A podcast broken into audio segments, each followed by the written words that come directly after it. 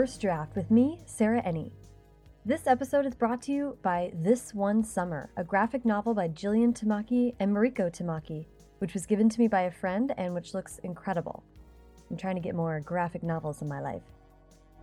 This week, I'm talking to Anna Marie McLemore, author of The Weight of Feathers, which was a finalist for the William C. Morris Debut Award, and When the Moon Was Ours, which was longlisted for the National Book Award in Young People's Literature. This month, Anna Marie released her newest novel, Wild Beauty. I first met Anna Marie in Chicago when Book Expo America and BookCon were held there. She was so fun and gracious, and when she told me she was coming to town for the Los Angeles Times Festival of Books last spring, I didn't hesitate to invite her over. Not only did Anna Marie agree to sit down and chat, she also brought me homemade tortillas from her mom's house. I mean, how incredible is that? They were delicious, too. Anna Marie has the aura of storytellers in the movies a calm presence and wide, ever watchful eyes that are drinking everything in. She seems truly tapped into the magic undercurrent in the world, which she evokes so beautifully in her books. So make a fresh pot of coffee, make sure to keep the cat away from the tortillas, and enjoy the conversation. All right, we are good. So, how are you? I'm good. Thank you so much for having me over. Oh my gosh, thank you for coming all the way over to my house. No, it's great, and I'm I love your cat. Oh yay! Hammer is uh, so happy you're here. But so okay, so I want to dive in and go way back to the beginning, which is where were you born and raised? I was born actually not far from here, sort of the hills of the San Gabriel Mountains. So kind of the way some places like that in LA go. Like it's a smaller town, mm-hmm. but there's you know there's LA right there, so right. it was sort of both at the same time. Yeah. And so it was it was a really it was a neat way to grow up, where you mm-hmm. have the mountains right there, but you have LA. What when you were growing up, how was reading and writing a factor? My family loves stories. My dad, especially, really encouraged me um, to read books. He really cultivated me loving books and loving stories. I actually just recently listened to your first draft with Dhonielle Clayton, mm. and she was talking about going with her dad to Crown Books, yeah. and I'm just listening to it, going, "Oh my gosh, my dad and I did that too on Saturday That's mornings." Awesome. So I have I have big memories of that. My family, both through books and through them loving telling stories, was mm. kind of how I I latched on to that and latched on, onto that kind of love for for narrative. Yeah. What are examples come to mind when you're talking about that? Like around the dinner table or like Sometimes it's at the dinner table, but the instances I can think of most often, and this is going to sound really morbid, but I will explain, okay. is at family funerals. Because people in my family, they do not all show up for weddings, they show up for the funerals. Really? So that is where you see everyone that you will not see the mm-hmm. rest of the time. And these stories just kind of come out. And even though we're sad, we also treat funerals as kind of a celebration of life. Like mm-hmm. something we often do is instead of wearing dark colors, we wear whatever color was the favorite color of whoever's died. Oh, so that's so interesting. So yeah, I'm looking forward to everyone wearing pink at mine. It's going to be great. And yeah. part of celebrating life is all these stories that sort of come out from families and you don't you don't know like if they're exactly true because if the the more generations they've gone through the more they've probably been exaggerated oh, if yeah. it's like something that happened last year it's probably pretty true yeah. But there's also like this you know we had this we had this feud back in mexico and it all started with this so it's it's great to have that idea of collective memory, even if it's not 100% factual, 100% historic. It's our blood. It's sort of our mm-hmm. the life in our family. And even though most of my relatives are Mexican, I do have some Irish, and we're and Irish are big storytellers too, and they're big exaggerators. so I yes. I tell my husband that when he hears these stories, I'm like, you know what? Between the Mexican and the Irish, like it's your guess as to what actually happened, but there's always that root there, yeah. and that's part of what's fun is is imagining what was true, imagining what it was that sparked that story, that legend in our in our household. Yeah, but yeah, I love what you're saying, and it's also interesting to think about what we do now, like what we are doing right now. What little moments in our lives will morph and become right, these exactly. big moments that we talk about.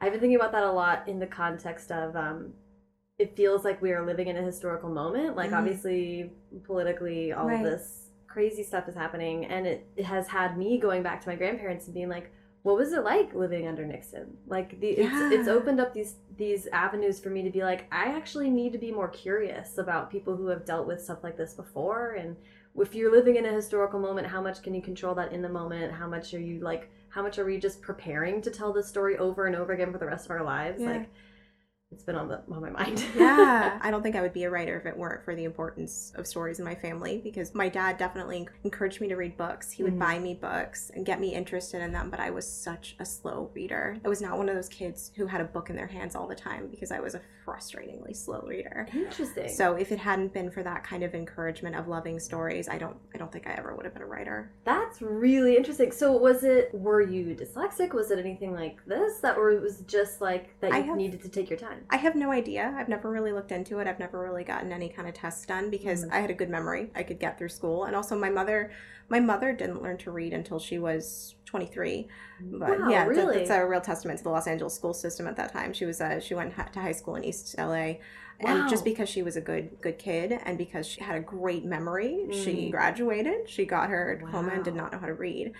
So I I never really looked into what might be up there because I thought, you know, I, I can actually read. Mhm. I just I'm very, very slow at it. So oh, reading comprehension parts of standardized tests, I would like shake going into those because Oh. I I would read it and I, I wouldn't even know what it was about just because of the speed you have to do it in. Wow. So if I hadn't had that those sort of reinforcing influences from my father, from my mother, from my whole family of that it, it's books, it's stories, it's telling our stories, then I think I would have just been like, well, I'm bad at this. Like forget this. Wow. I mean, does that persist to this day, or have you kind of learned ways around that, or like? I um I'm still a really slow reader. Mhm. I I listen to a lot of audiobooks, which are wonderful, and that's something that was very empowering to me because I I love listening, and especially when you have uh, audiobook narration is such a beautiful art. Like when you have a talented person that you're listening to, so that's that's something I love. I love doing both. Um. So, uh, so I would love to hear about uh, how writing came about. Were you writing when you were younger as well? I was writing a little bit, but that was really more story based. It was very Mhm. kind of like my kid version of Once Upon a Time. I wasn't really one of those kids who's like, I've written a whole book and now I'm like stitching it together and I Oh, have yeah. a book. It was um more shorter things. Okay. And like I said, very story based, almost fairy tale ish. Mm-hmm. I don't think I really got into writing until high school. I had a couple of teachers who we had creative writing assignments and I turned them in and they just kept writing like I know there's more. I know I have more in you and they just kept on me until I showed them something. And at the same time, I got to connect a little more with the idea of reading. I'd had that base thanks to my family Mhm. of of loving stories and loving books but reading out loud was something that I just sort of like shook when I when I thought about doing it. Yeah. And when I was in high school, I started reading to a woman who was in the town near near my high school. She was um, visually impaired and just wanted someone to come and read to her. Wow. But yeah, that was sort of at the same time that the teachers were saying like, "I know, I know you have stories in a drawer somewhere. Just like bring them out." Interesting. So at the same, and how did you get connected to the opportunity to read to her? through the school like they were asking like um, Oh, is someone okay. interested in going and it was a terrible idea for me to do it because i'm so ner- nervous as a reader but i just it's something i felt called to do i'm this is this is where i start getting religious i'm a christian i'm a fairly religious person so when i talk about like being called to and that's Mhm. a big that's a big thing in my family too um, our tradition is mostly pentecostal so Mm-hmm. sort of the holy spirit moving you to do things Mhm. that was definitely that kind of instance because afterward I felt like, what have I done? I've never read out loud for more than whatever we have to do in class. Mhm. Okay. The the call to service, like that's so. I've been thinking about a lot about that lately too, and volunteering and being out there and like. It's so it's so important and it just like changes your whole like brain chemistry when you Yeah. d- engage in stuff like that. But also, I was just talking to a friend about this. I also, when I look back at my my whole life to date, young Sarah just like veered into the skid, like tackled the stuff that was hardest. Like I'll Yeah. say, choosing to pursue journalism in college when like I was pretty scared of talking to strangers. And that's just all cold calling. And, you know, it was just like Oh, this weird thing where why would I go into the thing that seemed like a, a weakness that I had identified Yeah. or what? And, but it was, it didn't feel brave or whatever at the time. It just felt like, well, this is what I need to do now. And I don't know. So I feel like my life has been marked by these moments of choosing a hard thing. I don't think everyone does that though. I don't know. This is obviously something I'm like actively sorting out in my own mind, like different types of people and ambition and Yeah. How that marks your life. I don't know. No, that's really interesting, and like I, I appreciate like hearing your story on that because you're you're making me think about who else might be in that same situation that you would just never guess because they're out there, Right. they're doing what they're doing, and you would never guess that it was something that took sort of a leap in the begin with. And then I read an article recently about stage fright and how stage fright is just sort of incurable, and that it listed these insane, like so many performers who regularly, before doing anything on stage or in public, will just vomit Yeah. and then go and do and Yeah. be brilliant at what they do, and it's like, what? that's crazy. Oh, I'm terrified whenever I do anything. I don't know what it is because when, when I read in church, and like church is such a supportive place, at least Right. for me, I'm lucky to have a um, an LGBT affirming church, but it's just every time, no matter who it is. Yeah. Uh, so that makes me feel both better and worse, I guess. Wor- worse because there's no curing it, and like better because it's like, oh well, I guess I don't need to do anything about it. Just sort of like deal with it. yeah, it's like one of those things where you're like, this is just like a management thing. It won't. It's not going to come or go. It just is what it is. Yeah, cure my stage fright off the to do list. Yeah, exactly. That's exactly right. Okay, well we're we are um, miles away, but let's see. Okay, so so so the teachers were encouraging you to write more. I sort of went slowly. Like I Mhm. showed them like a one page thing that I had and they would make notes on it. I say they because it was really these two teachers, a husband and a wife, who one of them was my sophomore English teacher and one of them was my junior English teacher. So they, they were at me That's, for like, two years. Adorable. I love that. Oh, they're so cute. I love them. They like they now like retired and they they bought a farm like way out 3 hours from the school. It's Aw. really it's really they're a wonderful couple. So yeah, I just started showing them things. They started giving me notes on them and I think getting notes and getting critiques was a really big thing for me. Like just the idea that what I had could be worked with and that it could be improved and that it wasn't just a big like no like if you write something and you're not happy with it like you don't just throw it out and this this sounds really basic because of course we have to do it in school but I had done it with five paragraph essays I hadn't really Right. done it with my fiction or my poetry or anything like that yeah. so seeing that the same kind of process that you apply to your schoolwork is something you can do with your creative work. I thought, oh, there's nothing wrong with me if I'm not doing perfect work right away. Nobody does. Yeah. So, that's great. And I, I think when we see these finished books, I, I don't know, I maybe other people aren't like this, but I think when we read books in class, sometimes it's like they're just they were just sitting there at their typewriter or with their quill and it just came out this way. Yep. Like the idea that there were there were things that could be done that I could make my work better was sort of the turning point for me. Yeah, that's so huge. I love that. I love also that when faced with like I love that you got critique and it just like heartened you. It didn't It did. like it did. it didn't make you feel like ah. Well, what kind of stories were these initial stories like? What was um the first kind of stuff that you were inspired to write? The first stuff that I was inspired to write was probably family based. Mm-hmm. probably writing about small things in my family, writing about particular moments with relatives, writing about relatives that I was curious about but didn't know much about. Sometimes we we know a lot about relatives, but my great great great grandmother, I don't know a lot about her. So if I just know a couple of details, sometimes it was about that. Interesting. Sometimes it was it was about identity, sort of piecing out like what I was because at that time I didn't I don't think I even knew the word Latina, which Mhm. sounds really, really weird coming from a Mexican American family. But I knew Chicana, which in my family, and the, there's whole, lots of discussions about what, what the word uh, Chicano and Chicana, and more recently Chicanx means. But yeah, it was just sort of feeling out, you know, what was a sparkly object to me that I wanted to follow and write about for a little bit.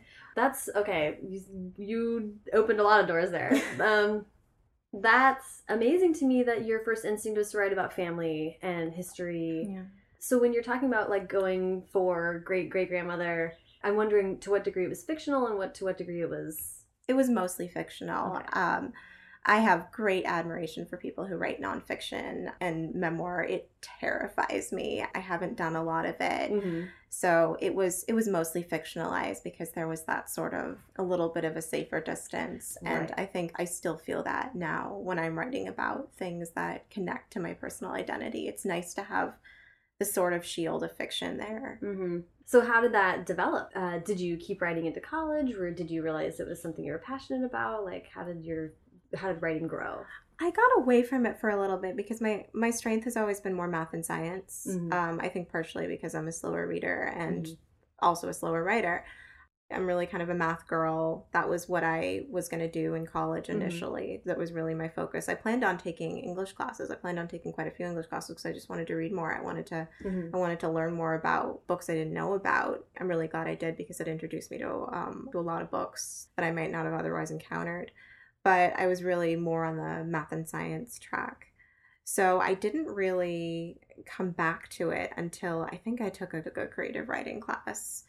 And I thought, okay, this is something this is something I think I want to go back to. Mhm. And I got to a point with I was in an 8-year medical program. Like Oh, wow. that would have been just straight into medical school. Mhm. And I had this moment. I don't know what it was. I think it was partially writing and partially just like, here I go again with like the Holy Spirit. But I was putting my hand on the door of the organic chemistry lab, and there was just part of me that said, no, this is not.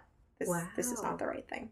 Wow. So it was this really interesting. it was this really strong moment and i i called my parents and talked to about it and i i don't know what happened because it's terrible advice to tell your daughter not to become a doctor and and right and i hadn't totally settled on writing at that point i just Mhm. thought like this this is not it because i don't i think especially coming from practical family like i do where you know we're mexican american we're a little bit irish it's just like you don't you don't decide to become a writer it's not Right. it's not a way to make a living right. so to, I I don't know what it was that made my parents so supportive of that. I think it was because they could just hear it in my voice when I said this this is not it. This is not where I belong.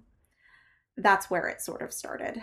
And then when I graduated right in the middle of the recession, Oh, I got a right. I got a part-time job. I couldn't find a full-time job for the life of me. I kept looking and everywhere was just hiring freeze. Mhm. Like I would put in applications and then I, a month later I would hear that, that there was a hiring freeze. Mhm. So I just thought I'm gonna I'm gonna keep looking for jobs and I'm gonna try this whole writing thing while I work my part time job and look for a full time job. Wow. So that was where that sort of happened. That was where I started writing writing um, more short stories and started thinking about writing novels. Okay.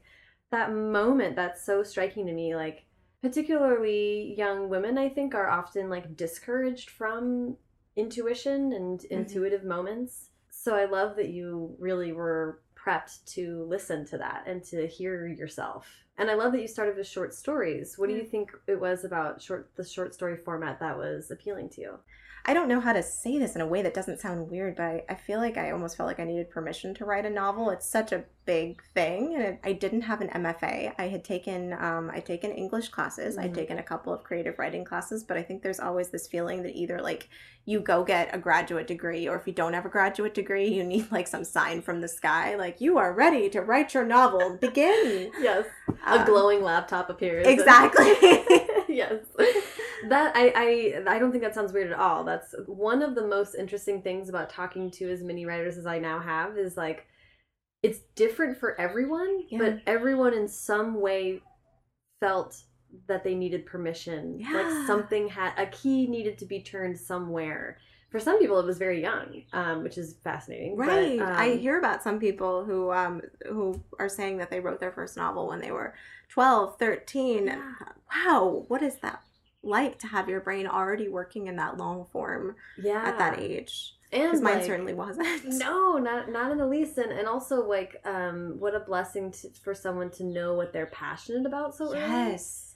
Very interesting. But then people who come to it later also bring a huge variety of life experience. So, were you thinking about submitting it? Were you reworking the same stories over and over? Like, what was what was what were you thinking and spending time on it? I was sort of just seeing what happened and just seeing if I could make it hold Mhm. together and seeing if I could write something that stood up outside of the sort of fiction workshop, which definitely has its benefits, but it's it's a very particular kind of world. I wanted to see what was going to happen.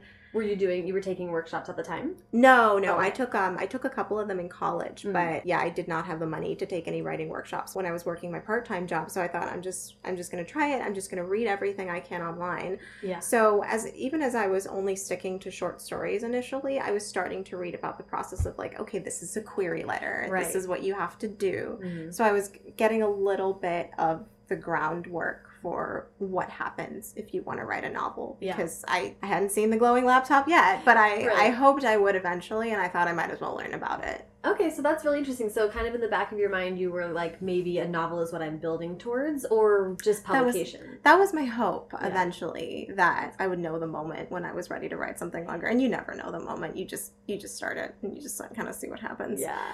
But yeah, I think that was I think that was definitely in my head, and I wanted to learn about the industry, and I wanted to know how that went. What was the first uh, idea or first moment that you were like, oh, this is like a novel sized idea? How did that happen? I think when I was sort of processing being queer, I wasn't writing sort of the story of my queerness. I mm-hmm. would just I just started writing like, okay, what what happens if I just write about these two girls and it was supposed to be a short story and then mm-hmm. it just mm-hmm. kept going and going. So I think that was the only way it was ever going to happen is if I just sort of kept going if I had sat down and right. thought, I'm going to write a novel. I know that's an empowering moment for a lot of writers. It would not have been an empowering moment to me. It would have just been it would have just been scary, like the idea yeah. of I'm going to write a novel. So it just it just kept going. And I oh gosh, I have at least three manuscripts where I wrote I wrote it and I was like, nope, no, no, not wow. not even gonna send this out. Like yeah. Not. And which is probably like I think everyone needs to have a drawer full of like the starter novels, you know? Um, or not everyone, but I think it helps to be like to get your feet under you and then also to say like not everything needs to be published. right. Know? Um, anyway, but um, yeah, and what are you going to learn from those, and what's where are you going to see what you learned show up in your later work that might be ready for publication which is which is really interesting. Yeah. I would love to hear you talk about it sounds like identity development for you is a part of fiction development as well and talking about the discovering your queerness. Do you want to discuss that at all or? sure. Um I, that's another whole like asking permission thing for me. Right. Because when i when i wrote um not my first book, the book that became my debut novel, as mm-hmm. we've as we've discussed. I have like my never gonna see the light of day manuscripts. But Weight of Feathers was the sort of book where I thought, okay, maybe I'm gonna maybe I'm gonna try writing about being Latina, mm-hmm. or um, not so much writing about being Latina, but writing um, a Latina main character where mm-hmm. her her family and her heritage is very important to her. And then when I got to When the Moon Was Ours, I kept trying to make that a straight book um, a com- completely straight book, and I still wanted to write about a Latina main character, but I thought, okay, I was always already pressing my luck with feathers, like writing a Latina main character. I can't do both. It felt like I wasn't allowed to write both of those identities in the same book. It felt it felt like it was in the same person. Yeah, it was even though that's my life, even though right. that's what I am, it felt like I wasn't allowed to do it. And even with these amazing discussions about diversity and inclusion, even with all the the wonderful work that We Need Diverse Books is doing, I don't know why I still felt that. I just felt like I I couldn't do that. It was asking too much of publishing. It was asking, even though I had really, I had a really supportive editor, a really supportive agent. So I had people around me who were encouraging me. It just, I kept trying to make that book straight and it was so bad. Like when I was just forcing it. And eventually we were down to a deadline. I was going to mm-hmm. miss the production deadline. And I thought, okay, I'm just going to go for it. Mm-hmm. I gave my editor no warning. I gave my agent no warning that it was it was going to be a Latina girl with a transgender love interest and there's there's going to be queer sex on page 10. I gave them no warning about any of this. I just handed it in and they were like, "Yeah, let's go for it. Amazing. So I think that was really my moment of getting permission to do that is turning that in without bracing anyone for it and having right. them just be like, yeah, let's do it. That's amazing. Okay, yeah. I do want to back up and build build to that though, because you you mentioned that one of the early "Won't See the Light of Day" manuscripts was based on a relationship between two women. Mm-hmm. Um, so I'm just curious about whether you were grappling with queerness as a young person and growing mm-hmm. in that way, or was this a later like development that fiction has helped kind of elucidate for you or how did that work well my husband's a transgender man okay and i met him when when we were both teens mm-hmm and he he didn't really wasn't really out hadn't really explored that yet so he was he was living as a woman for lack of a better phrase i'm still learning this terminology even though i'm married i'm married to right. a trans guy so we were to the outside world we were we were two women in a relationship so that was about the same time that i was coming out and that mm-hmm. i was figuring that out and it, it, was a few years later that he started figuring out you know i think this is i think i'm um, something other than what i've been living as mm-hmm. So Weight of Feathers is not a, is not a queer romance. It's a it's between a, a cis girl and a cis guy. But I think part of what I was writing about there was one, interracial romance. Mm-hmm. And two, I don't think I've ever talked about this. So this was this is gonna be interesting. When I was with my now husband mm-hmm. as a teen, you know, I'm um I'm from a religious family. I'm Latina, and we're unfortunately um, we're not the most accepting of queerness in the Latinx community. And there was sort of this understanding, like we're going to be together as teens, but this can never be. We for the long term. Yeah, we will like... never be together. Wow. And there was sort of that understanding, even though we loved each other, even though we desperately wanted to be together, this will never be. So that's probably, even if I didn't think about it when writing Weight of Feathers, that's probably part of where my head it, head was right. about like how do you make the impossible happen when you mm-hmm. love someone like that. Wow, like that's real deep because that shows up in your books over and over. This kind of like yeah, I guess it does, and kind of a and it is like I think in general it is. I'll speak for myself as a teen, like the dark romance and the like forbidden or the like tortured Romeo and Juliet type of there's such a pull to that. It's almost like gothic and it just feels very bigger than life, which is how all romance kind of feels when you're young and it's the first love and all that stuff. But then in your case it's like actually re- like I mean this like this was like the love of your life mm-hmm. and it really like those insurmountable obstacles that are sort of romanticized in other books and media that was your real lived experience. That's like amazing to me.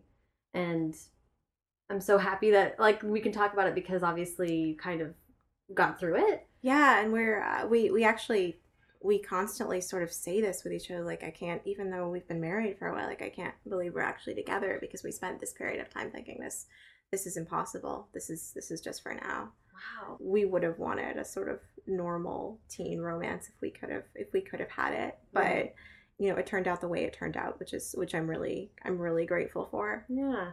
Let's go back to the beginning of the weight of feathers. I don't want to miss the like publication journey thing mm-hmm. so and how that book came about and and how it came to be and then we'll come back to this with with continued questions so so weight of feathers um, do you want to just talk a little bit about what the book is and then how it came about well weight of feathers is about two rival families of traveling performers. Uh, one of them are the Palomas, who mm-hmm. are performing mermaids. They set up in sort of lakes and rivers um, wherever they can, going from town to town.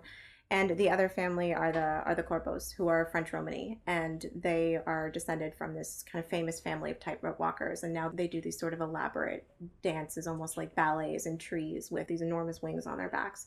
So this family has been in a feud for I think over a generation.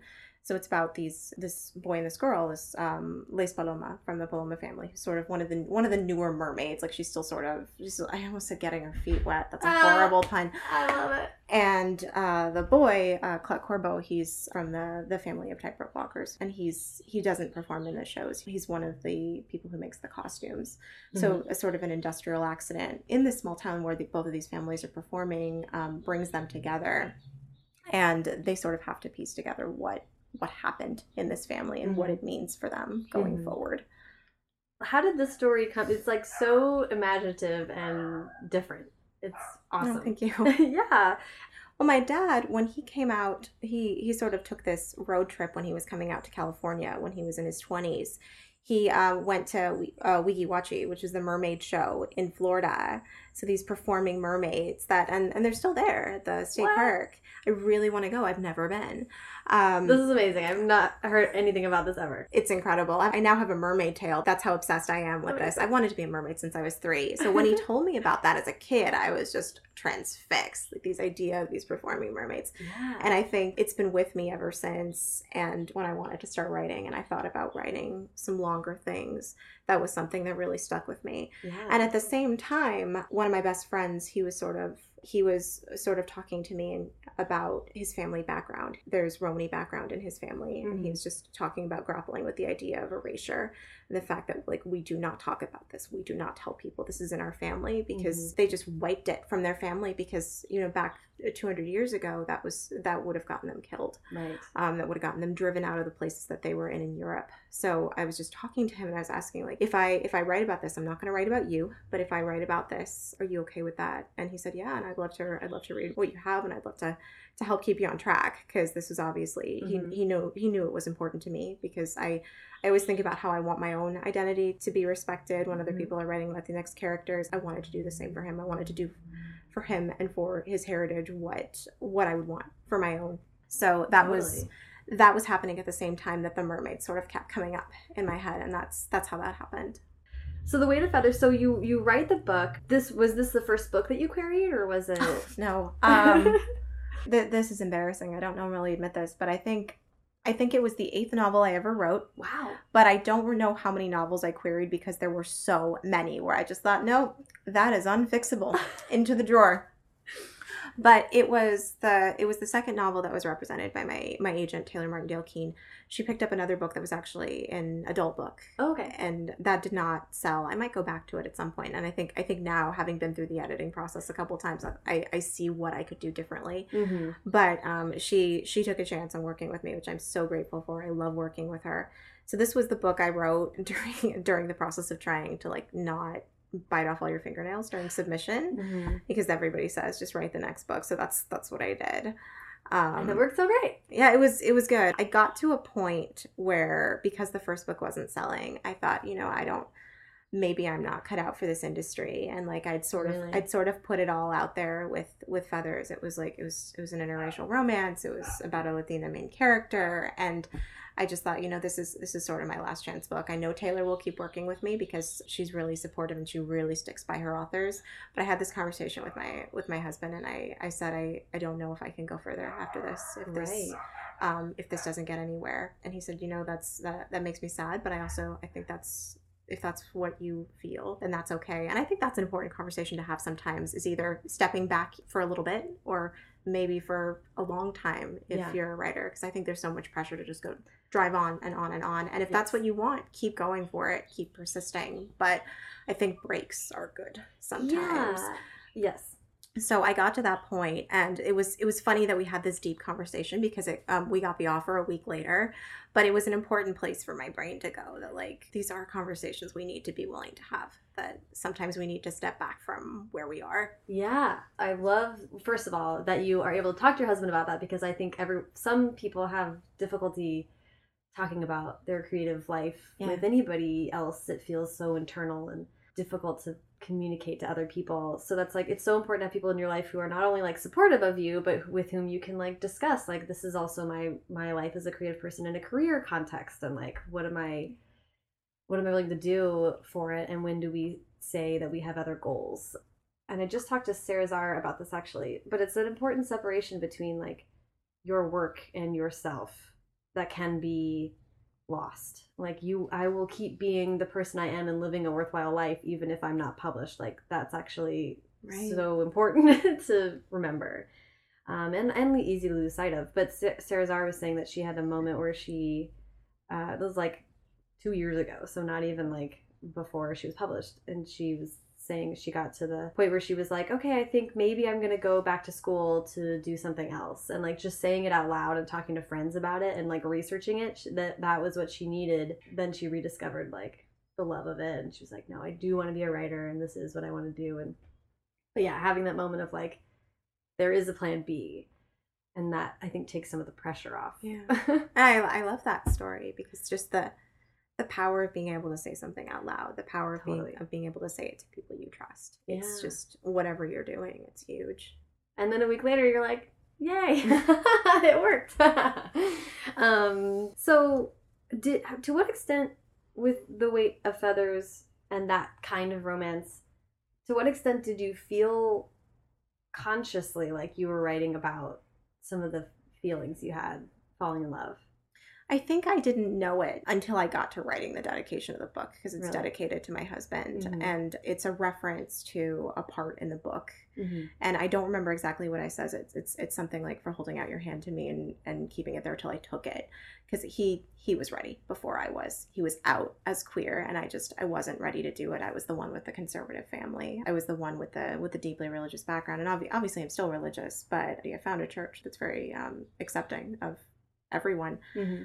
So I think I didn't know that until I started looking at it from the sort of, I guess, outside, like this is going to be a book perspective. Like this book needs a dedication. This book needs acknowledgments. Mm-hmm. That probably makes me really dense because I probably should have known it. But I feel like a lot of times when we're when we're writing stuff, we don't see what's in there, especially when it's highly fictionalized. And I'm sure you were talking about people writing fantasy that's far away from their own experiences. I'm Mm-hmm. I, I think in a lot of those cases there's probably a lot of them in there it's just you know it's it's different lands it's names that they invent Mhm. but there's still you know part of their spirit in there Oh, totally. And and uh, it does not at all seem like you're dense. I feel like I am constantly writing books, and then in the third huge overhaul revision, I'm like, oh, this is actually it's about this, just like every other book that I write or whatever. You know, it's like I I very much feel that the books I write in hindsight are so like obviously tied to what was going on in my life but at the time you're just like working through it right and that's that's your life so that is that is the world you're in so mm-hmm. it doesn't I don't think you really see the contrast until, like you said, you're going back. Yeah. And, and the weight of feathers, one thing I did want to ask you about this, I don't want to skip this part because the weight of feathers came out and it's a, you were Morris finalist with that book and it had like um, I was looking at all the blurbs for it. It's like it had enormous like support and love, and that is amazing. But also, whenever I see that, I'm also like, and that being your debut book, that kind of also must have put some pressure on you for where to go next or how did you feel coming out the gate strong like that? Then what were you what did you think about your follow-up project? I was I was overwhelmed by the support it got, especially from um, I had I had some wonderful authors who were willing to blurb it. Like some of them were authors I'd interacted with, um, some of them barely knew me, but I think by the time you get sort of feedback about how how your book is going into the world so slowly that by the time right. I had any of it, the second book was already turned in. Oh, great! so that was that was the good part of it is that I got I got distracted. I never would have expected the Morris thing. Like I uh, my my poor husband, I think I like screamed right in his ear when I got that email. So I sort of had to let it go in favor of you know like I was talking about scrambling to write my second book that right. I, I rewrote like four times because it just was not working. Mm-hmm. Um, so I had distraction was good in that case, yeah. and I, I I think a lot of a lot of authors probably experience that. Like people will, you know, well-meaning people will ask like, "How's the book doing?" And I'm just like, I have no idea. Yeah. like it, yeah. usually it's it's hard to know, especially when your when your mind is on other projects and when. Yeah you're not in the publishing house where they know everything. Right. So you know the support you've gotten from other authors, which is really wonderful. And that's a that's a really great feeling. You just sort of hope that you can like do them proud since right. they've believed in this right, book. Right, totally. Well, it's amazing. And it, so okay, so it's interesting to me that the weight of feathers was kind of like on sub and you're having this sort of like okay, this might be it moment. And then also your description of the deadline feeling of when the moon was ours is like also like okay. It's kind of desperation. Yeah, yeah I, am hoping to level out a little in like my book creation processes right. but i'm not sure anyone totally does. It's such an emotional art. Yeah yes. Oh my gosh. Um and i love that it that both times it seemed to under pressure i feel like you've shown an enormous amount of trust in yourself. Like under pressure, you're like, well, I'm just going to do what feels right. That you've gotten good response on that. You know, it's kind of amazing. There, I think there comes to a point, especially with like my my second book, like you have no other choice. You have to, if you work with people that you trust, and I think that this happens a lot with creative work. If you get sort of mixed up a little bit, you need to rely on the people who are around mm-hmm. you, and that's why it's so important to have people you trust around you. Yeah. That's why I'm I'm so grateful to have an agent and edit, an editor and other people I work with at my publisher, and to have have CPs and people I know in the book world who are supportive of inclusion, who are supportive of mm-hmm. diversity and intersecting identities. Because mm-hmm. if you mm-hmm. don't have those sort of voices around you, it's easy to get in your own head and just think I don't belong on bookshelves. Well, yeah, and you had the support, and you still were yeah. making yourself feel like it wasn't going to be. I mean, that's that's a, an internal thing. I think a lot of us have in our own ways, and certainly, like I don't know, change has to come from all kinds of different directions, oh, right? Oh, yeah. Even from within. So it's kind of oh yeah, that's the extra challenge. Yeah. um. So when the moon was ours, clearly is like an intensely personal story. Tell us a little bit what what's when the moon was ours is about. Um, when the moon was ours is about two best friends who met when the girl named Miel comes out of a water tower when she's five years old. She's a girl whose um, roses grow out of her wrist, and she has this best friendship with a boy named named Sam. That's Sam for short. His name is Samir, um, and he's known around town for painting these moon lanterns and hanging them in trees all around the town and they're they have these sort of um, mythical qualities about them that people talk about. No one's quite sure what they do. There's rumors that they cure nightmares that they oh. there's just this sort of this sort of magic to them. So they've been best friends for years. And the story starts at the point where they're sort of realizing they've been in love with each other for mm-hmm. years. And at the same time that they're realizing they've been in love with each other there are these four sisters, the Bonner girls, who have this town sort of enthralled with them, and they have for a long time. They're this sort of legendary presence in this town and they're sort of losing some of their power mm. over over the boys in this town. Mm-hmm. They think that Miel's Roses can sort of help them get get it back. So they're they're kind of trying to wreck her life and get her to give mm-hmm. them these roses that she grows. So that's happening at the same time that she and Sam are kind of exploring their love for each other. So that's the lot of it. Miel is a Latina queer girl, and um, Sam is a Pakistani American transgender boy. So it's like a lot in one. Yeah. There's a lot of factors going on there. What was the conversation like with your husband about wanting to write a character that was going through his some of his experiences? Well, I wanted I wanted him one to be to be okay with it, yeah. and two, I wanted to ask if he would be willing to sort of help me rip this book apart and right. make sure that I'm doing I'm doing a respectful job mm-hmm. and a good job because you you can live with someone who's transgender, you can love someone who's transgender and still have a hard time translating that onto the page. So I wanted right. to make sure I was doing right by him and doing right by our friends and anyone that this book could affect. Right. Right. So that was the conversation I had with him and I wanted to tell him like this is going to be intense if you say yes to this. This is my deadline, so I'm going to right. I'm going to need you in this with me and he was like, "Yeah, let's do it." That's he amazing. he read like I I wrote the book, he read pages every single night.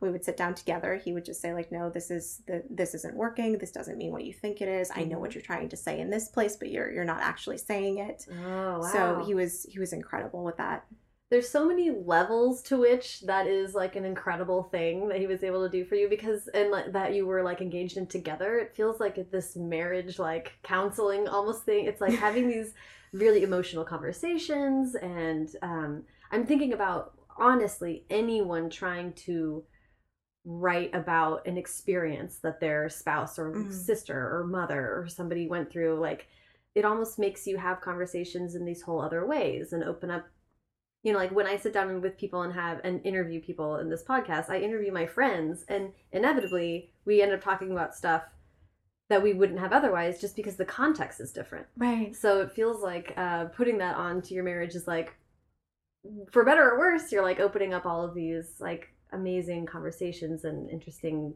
perspectives that maybe you wouldn't have otherwise accessed. Yeah, it was a really it was really hard and humbling but also wonderful experience. I I think I put in the acknowledgement something like I thought I had asked you every question I could ever ask you about being transgender. Apparently I didn't until I wrote this book. Right. He's incredibly patient with questions because, you know, that's how you learn as as, as a spouse of someone of someone transgender. Mm-hmm. Just like what do you need here? What do I need to know about your experience? And also right. I, I had to learn patience in that respect because he figured it out as as you went. Like I think there's this great myth of transgender identity that that a transgender person says, "Oh, I'm transgender. Okay, everyone, all my friends and family, I will distribute the pamphlet right. that tells you everything about my identity, and right. they're they're figuring it out the same way that the rest of us are yeah. in relation to in relation to other aspects of our identities. Yeah, I needed to give him the same patience that he'd given me with mm-hmm. my identity. Mm-hmm. That's amazing. It also strikes me that harkening back to you talking about people who write memoir and and about their own lives like your hesitance to do that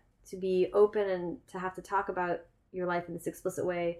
Though you wrote a fictional book you know you are now being asked these questions by me and other people like to explicitly talk about your life in this way that like maybe you didn't want to I don't know. How do you feel about that? Like, this is an invasion of your privacy, honestly, me asking you these questions. But I'm, I'm you're oh, being oh, no. very generous with you. no, I'll tell you if I don't want to answer anything. And it's funny that you say that because um, Aisha Saeed, author of Written in the Stars, is one of my mm-hmm. favorite YA novels ever.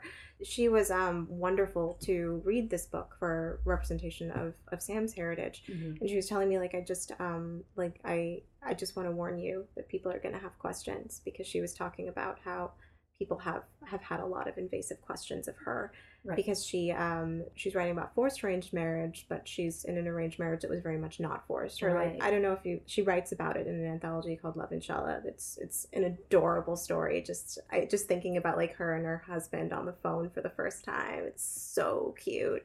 But obviously their situation is very different and people made a lot of assumptions. And she warned me like people will ask questions and i just want to know that you're ready for that. And i'm so grateful to her for saying that. But at the same time when she said that i thought that's your book. That's that's you. People people are not going to care with my Right. But now I'm like, oh, Aisha, you were you were absolutely right. Right. That was wisdom that she gave me, and I'm that's something I need to make sure I pass along to other people who, if I'm reading their books and they're closely tied to their experiences because it was very it was very wise of her to even if I didn't think that that would apply to me even if I'm like oh that's just because your book is amazing and just people want to know more um I felt for her and her just the way people made assumptions the way they asked questions I think often that they shouldn't have but I didn't think that was going to happen to me so I'm grateful to her for even even planting that spark of of knowing that that could happen Yeah. And you can't ever really be prepared to all of a sudden be asked these like intensely personal. I mean, how does it feel to be in that position? it's both terrifying because I I do feel sometimes like I need to like I'm being asked to put out my own life. That's the part that's that's scary. It also feels celebratory in a certain aspect Right. that like this is something that people are not are not shunning like I was I was afraid they would. This was this is something that people wanted to see on the page. I. I, I wrote a book that has, you know, sex between a girl and a trans guy like early in the book and Mm-hmm. Yeah, then it was, later you said 10, page 10. Oh yeah, that's that's the first one. There's another one.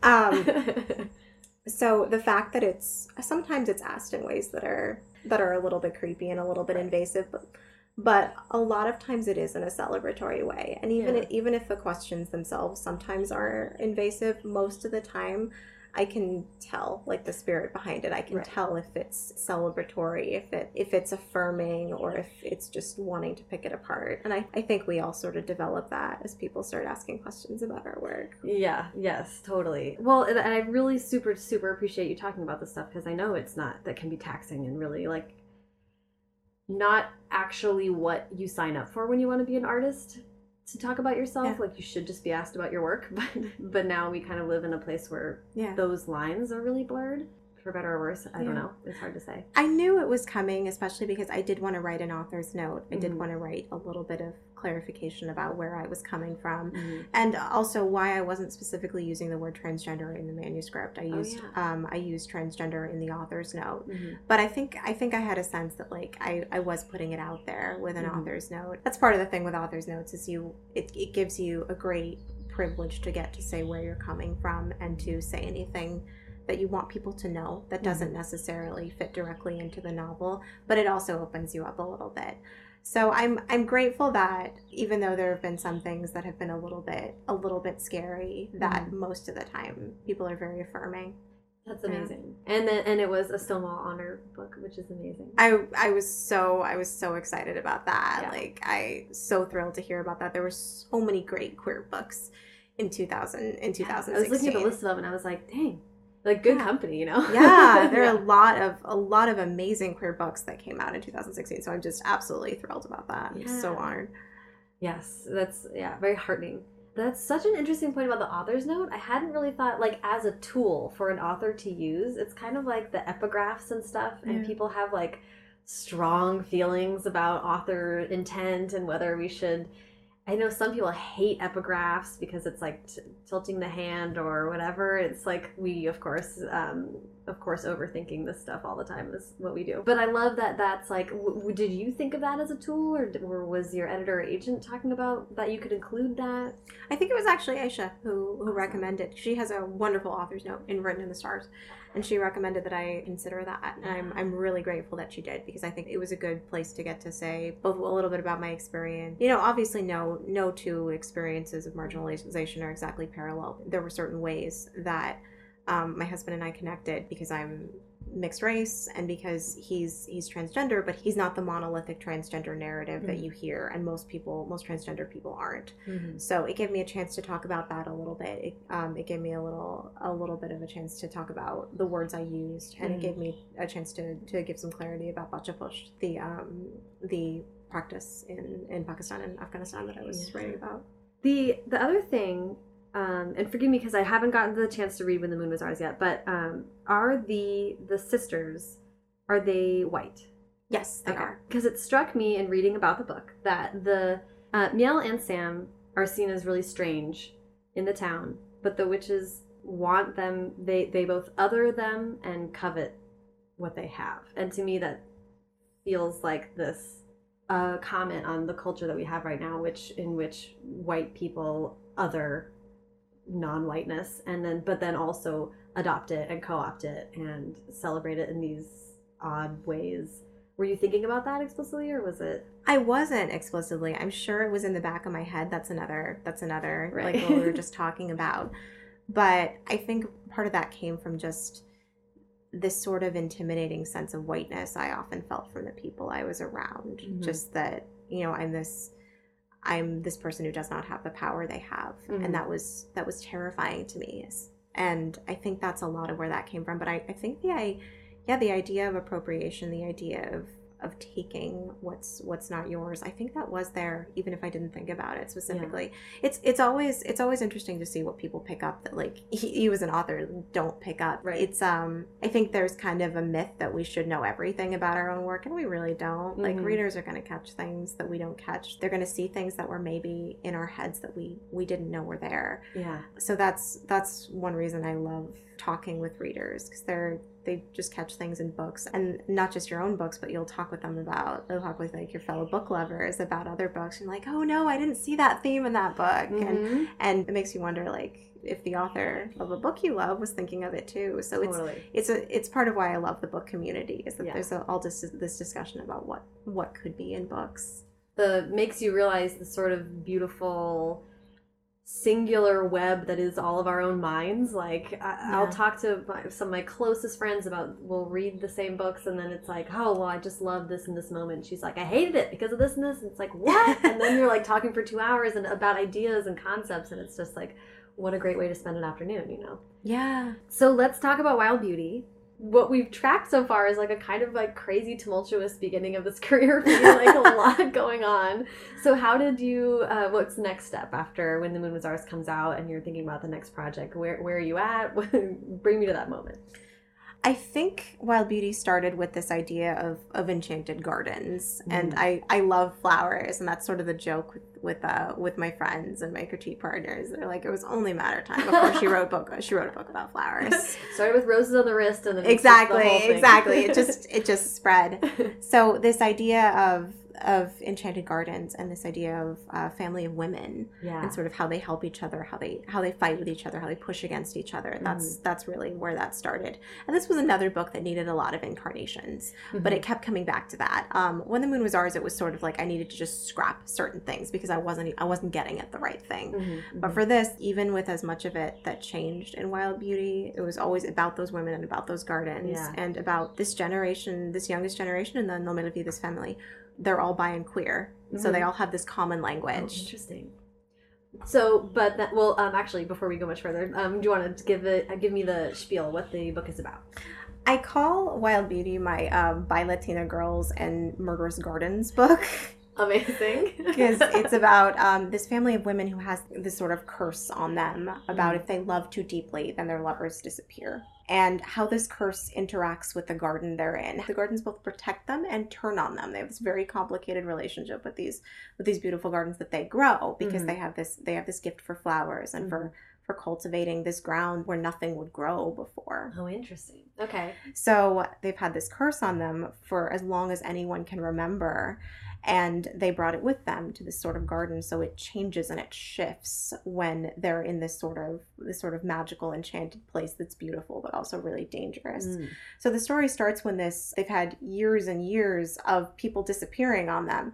But then they have this boy appear from another time period. He doesn't really know what's going on Mhm. and he doesn't remember much about where he came from. So the big mystery is okay, who did who did he love and who loved him? Mm, Like oh, where interesting. where did he come from and why is he here now when we've just lost people? They think that the people who they love disappear and then go somewhere else. Right. And they're thinking now we someone who is loved has come to us, and where did they come from? Right. That's so interesting. Um, the okay, and Estrella is the main character. Yeah, yeah? Estrella. Uh, uh, wait, you say it. Estrella. It's um So I break up I break a bunch of rules in this book because like because like I when I talk about these characters some of their names I say in Americanized ways some of them I I say in their Spanish pronunciation so I yeah there's I not really a pattern I was immediately struck by this is kind of going to tie into a magical realism conversation because um, what you write is often described as magical realism, and, and I would love to hear you say whether you believe that's true or not. Uh, my friend Samantha Mabry, who is also a young adult writer, who is a brilliant, brilliant woman. Yeah, I just got her second book. I'm so excited about her second book because I I love Southwest settings. I don't feel like we see enough of them in mm-hmm. way. So as soon as I saw what the setting was, I thought I want to read that book. Yes, and she's just brilliant, and she also teaches writing, so she's smart on all this and has a lot of thoughts about magical realism. And she was kind of talking to me this morning about how in her mind uh, magical re- realism doesn't necessarily have to be latin american culture but she was like it is the concept of history culture family manifested into real things that uh, might be fantastical to some. So to me it was striking that like uh, in wild beauty this family of women are the manifestation of their shared history. And like that feels like it's this really strong palpable thing with them. And then there is a strange boy that appears and has no history and no memory. Who so then who is better off between those two extremes? Like it was it was something I really loved working with, especially because he like you said, he has he has no history that he knows about. He's just sort of picking up these clues as he go as mm-hmm. he goes, and that's part of the story is him piecing together like where was his place in the history of this family. Mm-hmm. But there's also a little bit of shared history because one of the aunts of the great aunts um, starts says something in Spanish, and he sort of responds in a way that's like like this is a little bit my family, even though even though this family is not mine, mm-hmm. it's a mm-hmm. little bit mine, and they sort of take him into their family and mm-hmm. they sort of make him theirs so he sort of takes on their history a little bit, both because they don't know what happened to him mm-hmm. and also because he has certain reference points that he's discovering along the way. He knows certain things that are in their houses, like when they're in the kitchen, oh, certain things are familiar to them. There's a scene where he and Estrella are like arguing over what a particular dish is because mm-hmm. from where he's from, like it's the same name, same mm-hmm. Spanish name, but where he's from, it's one thing, and where she's from, it's another thing. So there's this sort of shared history in his lack of history. Oh, interesting. Let's like just break it down too. Um, do you think what you write is magical realism, or do you use that term? It's it's a term that resonates with me, and it, mm-hmm. it feels true to what I write. It was one of those lofty terms that I thought like, well, those are the books I love. I can't write that. Like right. I can't. I never called what I wrote magical realism until other people did.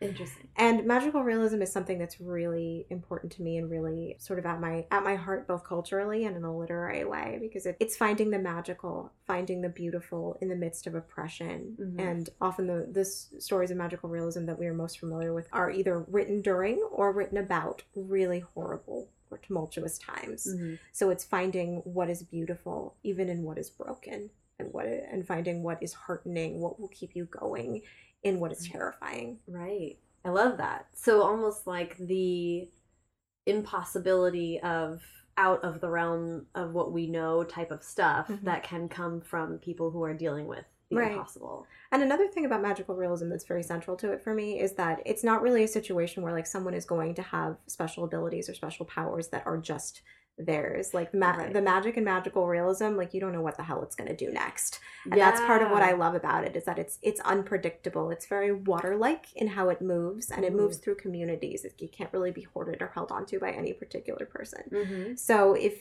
if it crops up in someone's life it's both a beautiful thing and like oh no what does this mean kind of thing right and that's part of the difference to me between um, some kinds of fantastical fiction i think there's a lot of different labels that can apply to things where you know in a world we know but where magical things happen. Right. So it, i think the difference to me with magical realism is, realism is in that in some forms of fantastical fiction it's like how in the world did this happen? But in magical realism it's what does this mean? What do i need to know about this? Because there's even in the most beautiful magic and magical realism there's always a sense of wariness because is is someone going to discover it? Is it going to reveal something about you? Right. what does it mean for our communities? Is it is it a blessing is it a warning on something mm-hmm. so magical realism to me is all about communities and and like you're saying um, culture and like you're saying samantha was talking about mm-hmm. culture history what you share with those around you yeah and and and i think important like you're saying in the context of um, these sort of awful like world events or geopolitics or personal traumas because it strikes me so much that it's another way of talking about this kind of thing is to talk about generational trauma.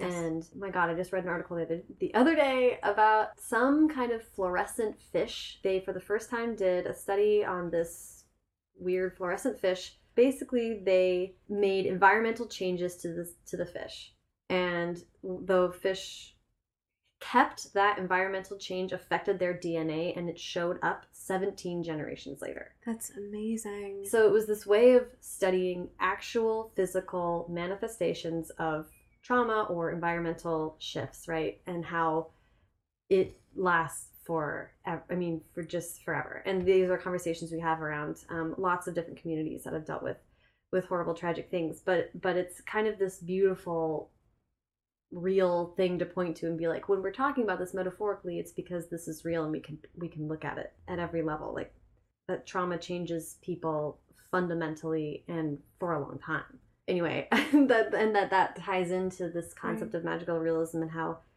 authors have been using that literary tradition to talk about this for a long time. Right. Um, what is written into your not only your family, not only your community, but into into your body, into your spirit, and what you what your inheritance is. Yeah, and how you carry that forward in decisions you make, and who you choose to love, and how you pass that on knowingly and unknowingly. I mean, it's all like uh, the stuff that we will talk about it, you know, for forever. Um, but so, so um, what else? I mean, what else about Wild Beauty? Um, what else were you thinking about in writing it? What What do you think? Um, have you had enough distance from it yet to feel like you know what it's really about? Oh gosh, I think uh, it's very much about women and families and women in groups mm-hmm. and how they support each other, how they tear each other down, and how how they ultimately make each other stronger. Mm. Especially with the the youngest generation in the Nomeolvides family, I feel like because that's very much my reference point and because that's who you see you don't you don't really know like what the dynamic as much with the older generations was you mm-hmm. there's a little bit of a hint of what it might have been like mm-hmm. but it's very much about this generation and how they they all sort of have this shared language of we are the youngest. Mm-hmm. We will one day be where they are, our mothers and our grandmothers, but this is where we are now, and we're mm-hmm. figuring out how our generation is going to work. They also have the queerness as a common language. Right. When the story starts out, they are all in love with the same person. It's this one woman named Bay Briar. So they all figure out that they're in love with the same woman and they're like, oh no, this is really bad. Because what happens when we love people too much? Right. And that's, I think that's a little bit of a trope I wanted to turn inside out because we we have a lot of stories about the broken-hearted queer person mm-hmm. but in mm-hmm. this i wanted to have this gender non-conforming character who is who's mostly woman identified but her identity is complicated as you'll see in the book mm-hmm. but i wanted her to be the, the sort of heartthrob that they all loved instead of i've read some books that are like the sad queer woman who sort of mm-hmm. doesn't end up with who she loves i wanted to have like the kind of stud be the the gender non-conforming woman in this right so they're all in love with her in this at the same time and that's one of their common um, points too is that they they sort of hate each other a little bit because right. they all want her, but they're they also are united in the fact that we really don't want her to disappear. Right. There's a lot there's a lot going on there. Yeah, it's a book. It's it's a book with a lot going on. I think partially because the family is so big. I did it a little bit a little bit in feathers, but here you're there are more characters that you get to know a little bit more. It's mm-hmm. kind of it's kind of my big family book. And Bay, the the one that they're all in love with, also becomes part of this family. She is white, so in some ways she's an outsider, but these women have also become her family. So mm-hmm. you have you have the boy Fel who shows up, you have Bay, and these these women just sort of collect family members. and that's I that felt very realistic to me because mm-hmm. I come from a family where like someone will show up at Christmas and then um you know, great uncle will say like, "This is your new cousin now." People become part of our family. Wow, so that's was, so cool. I think that was also what this book was about. That's really interesting. I I, I love yeah stories about chosen family and blood family and that overlap there. That's really beautiful especially in young adult like for a while right we were all really worried about where are the parents in ya and it was just this sort of like stories about teens to the exclusion of the context of their lives i think that's not so much happening anymore. But I love that you're very explicitly interested in making sure that we see a teen protagonist where they're at with all the influences that are around them and and recognizing that none of us are like independent from who raised us. Yeah, I, I, come I come from a world, and I think a lot of people do, where your your family makes you. If your family's small or big, no matter if it's your blood fam- family or your adopted family or your chosen mm-hmm. family, they are going to make you. They're going to give you what you take out into the world, and whether that's something you you decide is you or something you push against that's Mhm. that's always going to be with you Yeah. Yeah, I think it's really beautiful that you have obviously believe so deeply. Your your religious values are so ingrained and that you've been able to work within within the confines of a church you grow and change and how your relationship to the rel- religion that's like a lifetime relationship that you manage, you know?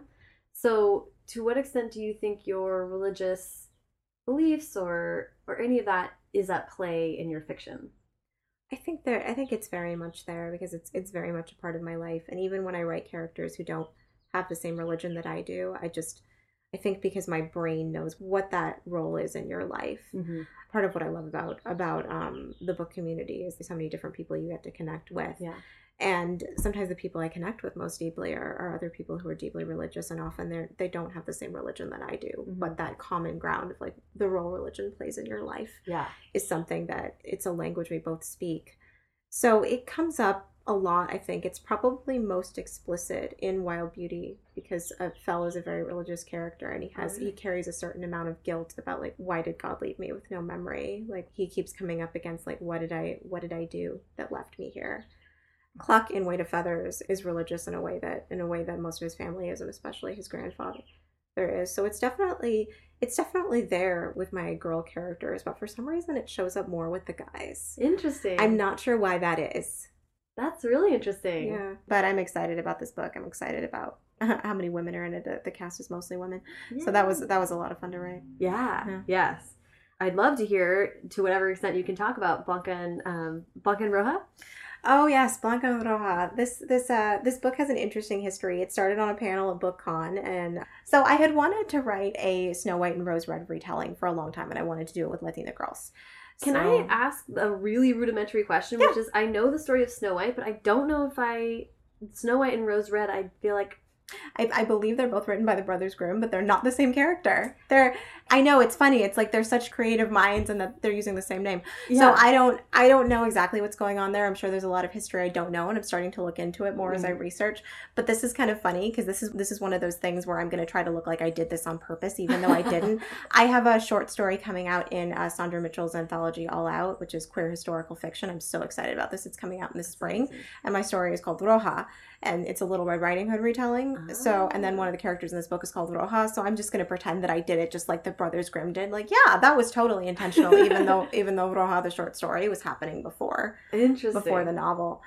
So um, I've I'd wanted to, like I said, I wanted to write a Snow White and Rose Red retelling for a while, and I wanted to do it with uh, with a Mexican American family, and this was something that was very dormant until I was on this BookCon panel. It was a it was a wonderful We Need Diverse Books panel, I, and we were talking about personal identity, and Dan- Dhonielle Mhm. was moderating and just sort of what our influences were growing up, what our views of our identity were Yeah. growing up.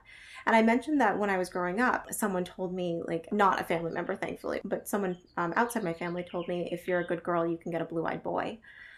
So that was, even though I was little, I got it. I got it instantly in this person's mind. Like, they're, the best thing that, you know, a Mexican girl could do was marry a white guy. So when I said that, Sherman Alexie says, that's a poem. That's a book. You have to write that book.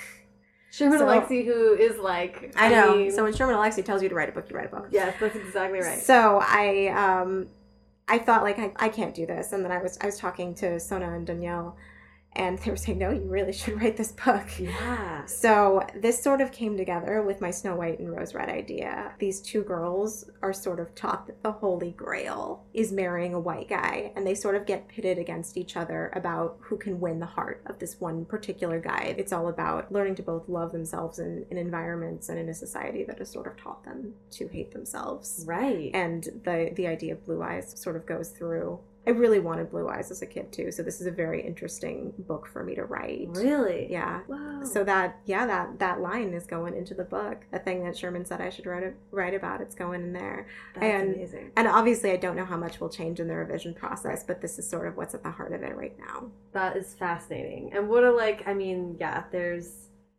very interested to read the story. Like that sounds like an amazing um, premise. And Oh, family you. curses are like, who doesn't love that? That's amazing. I love writing about family curses, and I think it's probably part of what you were talking about, like what we carry with us, like what go what goes down through the generations. Totally. So I love putting that in some sort of way that can be seen and that manifests in the story in a way that, that very much catches the attention of the characters. yeah, yeah. Okay. Yeah, and I'm, I'm excited to write about this because this is two sisters up against each other. Whereas Mhm. in Wild Beauty, part of what I liked about loved about writing in Wild Beauty is that they're all sort of in this together to protect the people that they love and to protect each other. Mhm. Whereas in Blanca and Roja, it's two sisters just like going at each other. like I'm each deciding they're gonna win this. Yeah.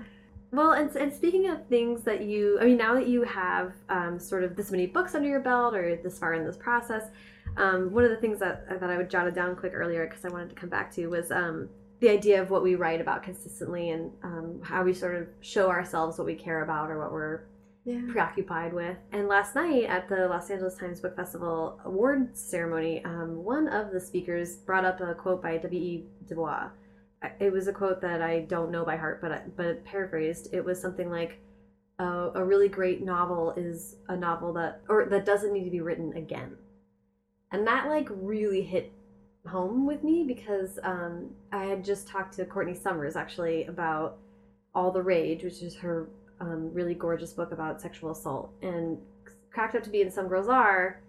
Um, are also to some degree about sexual assault, but she was like, I think that I think I read, wrote those books to get to the place I needed to be at to write this one that she felt like is like this is how I feel about this. So it, so it had me thinking about the books that we write to get to maybe what and like how much are we will we ever get to a point where we don't need to talk about those things anymore? Will we exercise it through fiction or is that a fallacy? What do you think about that? I don't know. I think for me, part of what part of what keeps me going, um, and I think there's always that fear with authors, like, are we writing the same book over and over? right But I think part of what keeps me going is that I didn't think this was a world I was allowed into. Even though magical realism is very much in my heritage, it's very much part of my heart. I didn't.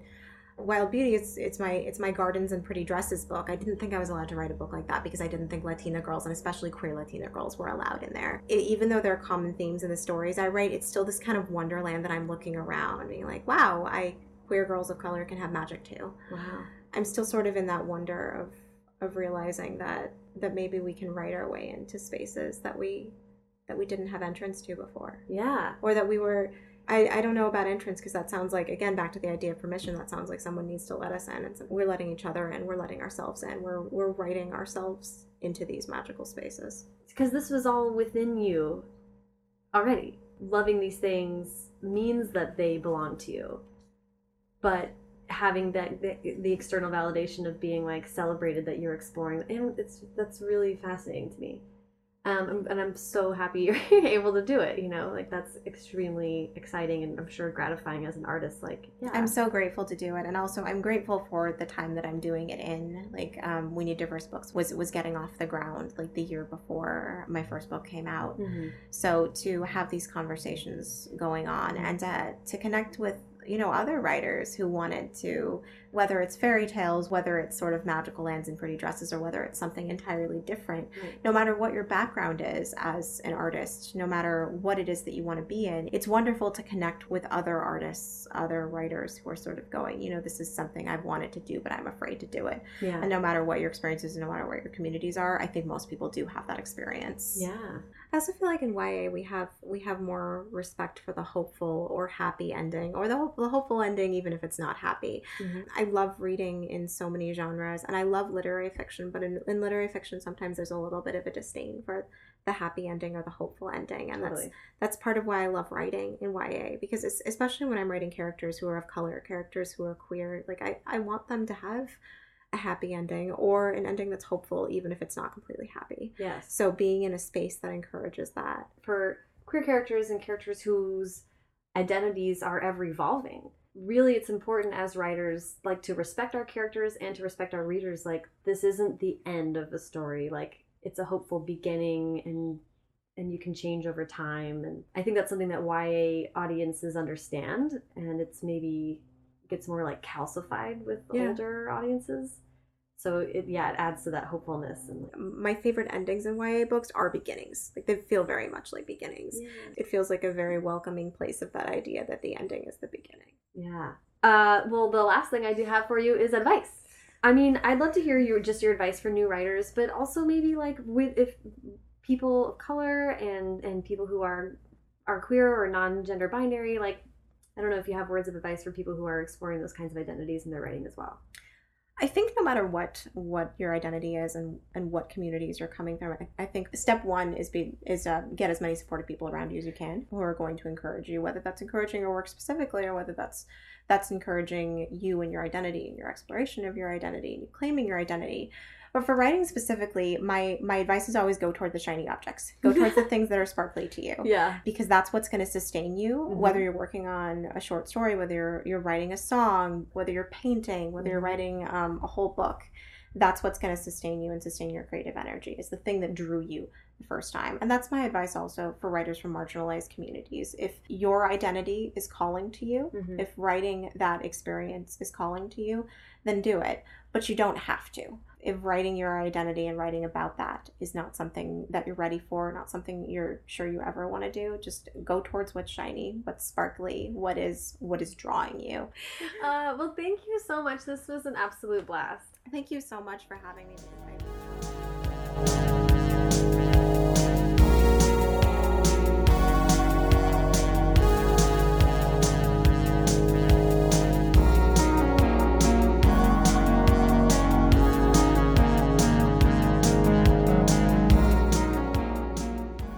So much to Anna Marie.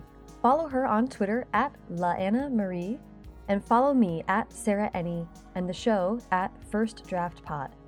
You can follow the show on Instagram and Facebook too, but for links to everything Anna Marie and I talked about in this episode, as well as a searchable archive of previous interviews, and to sign up for the First Draft newsletter, be sure to check out firstdraftpod.com.